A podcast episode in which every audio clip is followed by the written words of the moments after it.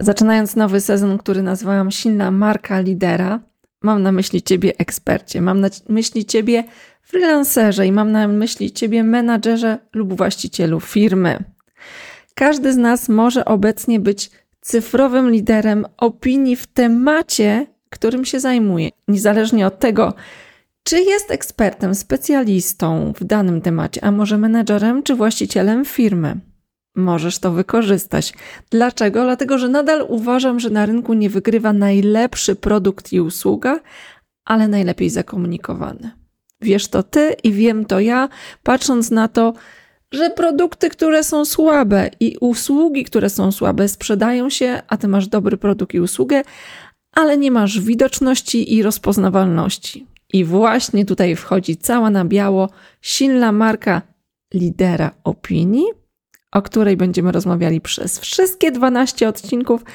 Dlatego notatki, długopisy, kubki w dłoń i zaczynamy.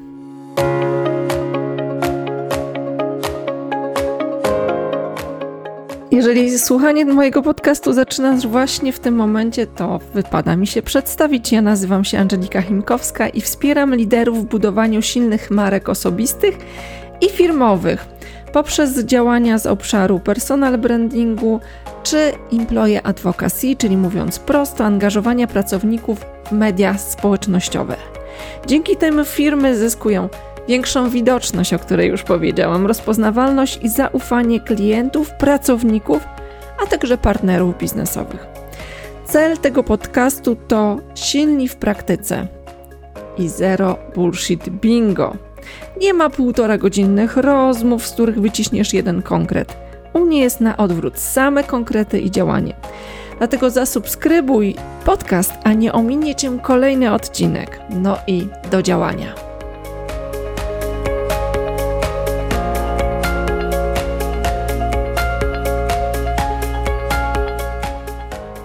Od razu powiem, że silna marka osobista według Chimkowskiej, silna marka lidera, to nie jest ja, moje, mojsze. Bo wiecie, może być coś gorszego od utworu solo, który jakiś czas temu słyszeliśmy. To jest marka lidera, marka osobista w rytm niemieckiego disco polo z refrenem, a właściwie cała pod tytułem Ja, ja, ja. Dlatego powiem, że marka osobista dla mnie jest narzędziem, narzędziem komunikacji z moim odbiorcą i to narzędzie wykorzystuję po to, żeby służyć mojemu odbiorcy. Uwaga, służyć, a nie posługiwać.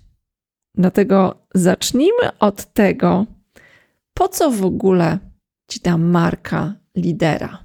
Przede wszystkim dlatego, że Według wielu raportów, i zachęcam do tego, żebyś zajrzał, zajrzała do notatek w tym odcinku, będą notatki i statystyki, i właśnie w tych notatkach zobaczysz, że zaufanie do marek, do instytucji nieustannie spada. Natomiast ludzie mają relatywnie duże zaufanie nadal do ludzi.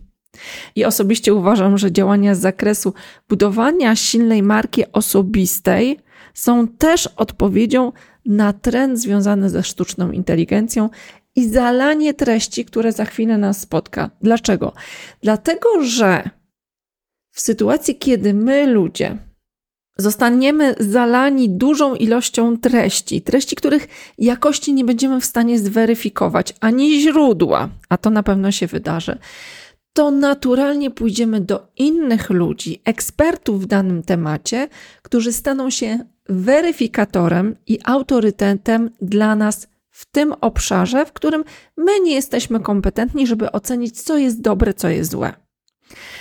I biorąc te dwie rzeczy, czyli spadek zaufania do marek, do firm, do logotypów, do instytucji i potencjał, jaki daje marka osobista w kontekście sztucznej inteligencji, nie mogłam zostawić tego tematu, dlatego chcę Ci powiedzieć, że kiedyś temat budowania marki osobistej był zarezerwowany i możliwy dla dziennikarzy, sportowców, aktorów, polityków.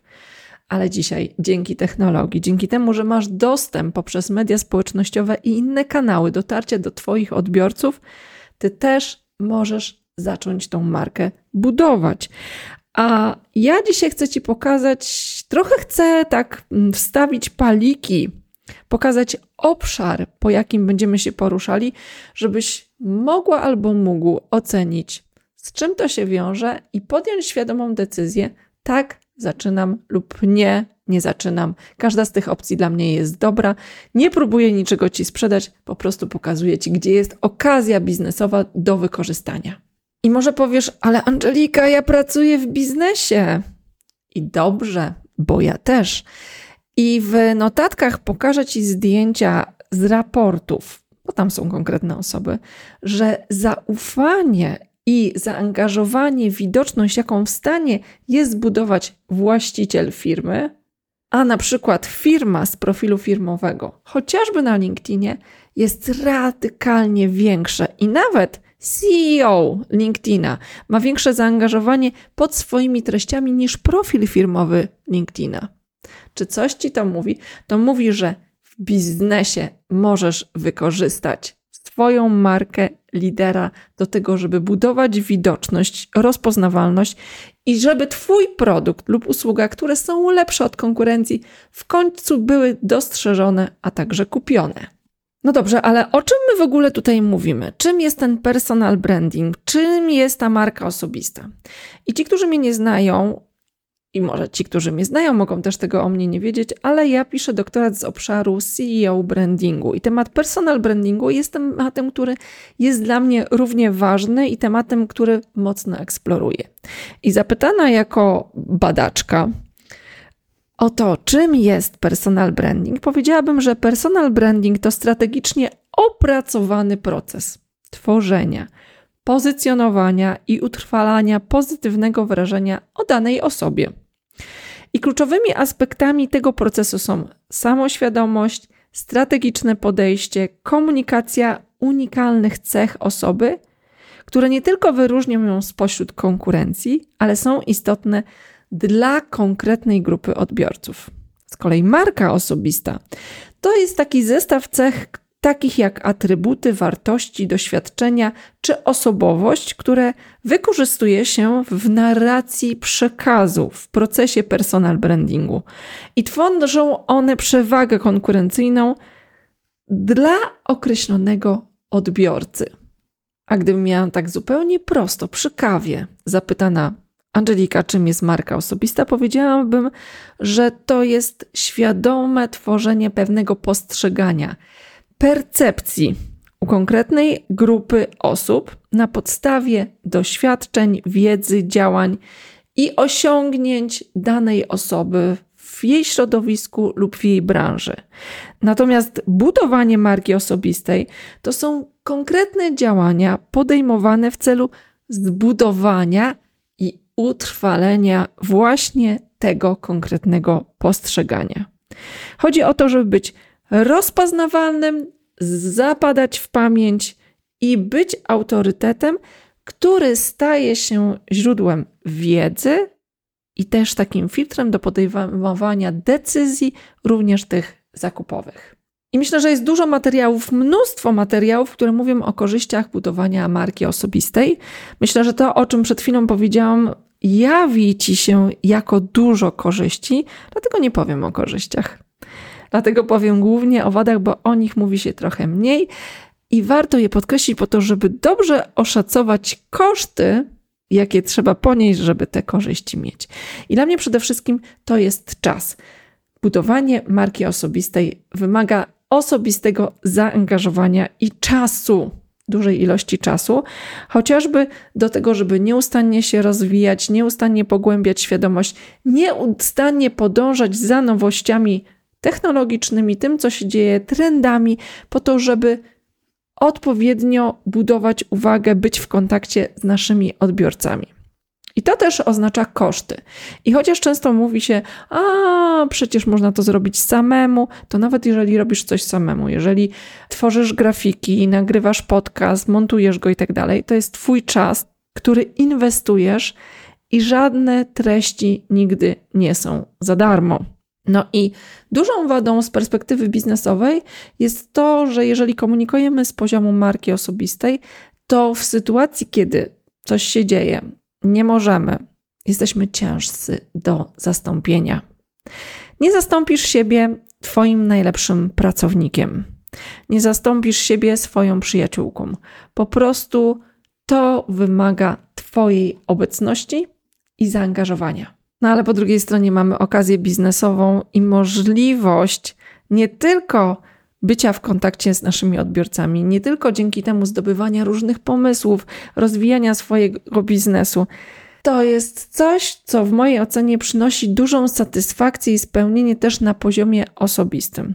Dlatego, że jeżeli jesteś zdecydowany na koszty i świadomy korzyści, jakie z tego będą wynikały, koniecznie teraz naciśnij subskrybuj, obserwuj, gdziekolwiek tego słuchasz na Apple Podcast, Spotify czy YouTube, aby nie ominęły Cię kolejne odcinki, bo w nich będziemy rozbierali ten temat na konkretne kroki, kawałek po kawałku.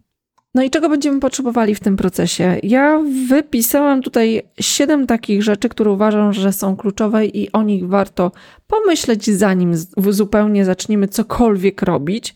I pierwsze z nich to są treści. Ta lokomotywa budowania marki osobistej treściami stoi. I musisz mieć świadomość, że będziesz zmuszony w mniejszy lub większy sposób takie treści tworzyć. Czy w formie pisanej, wideo, audio, wszystko zależy od Twoich możliwości i upodobań Twoich odbiorców, ale treści są kluczowe. Druga rzecz, zaangażowanie odbiorców. To, o co będziemy walczyć, o co będziemy się starać, to trafienie do naszych odbiorców, słuchanie naszych odbiorców i dostosowanie tego, co tworzymy, do tego, co oni będą mówili, że potrzebują.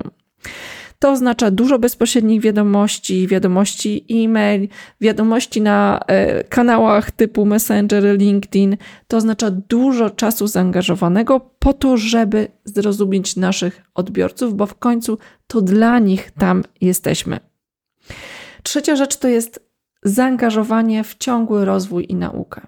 To już o tym trochę powiedziałam, ale pogłębienie samoświadomości i uczenie się nowych rzeczy, które pozwolą ci jeszcze lepiej służyć swoim odbiorcom. Czwarta rzecz to marketing i promocja. Promowanie różnego typu postów, aktywności może wesprzeć i rozwinąć dobrze Twoją markę osobistą i warto o tym pomyśleć, a przede wszystkim o Twoim domu, czyli o domu Twojej marki.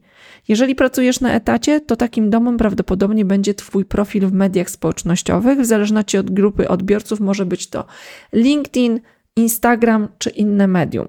Natomiast jeżeli prowadzisz firmę, takim domem, miejscem promocji też powinna być Twoja strona www. Mówiłam o tym wcześniej. Wróć do całej serii poświęconej marce osobistej, tam znajdziesz pogłębione treści.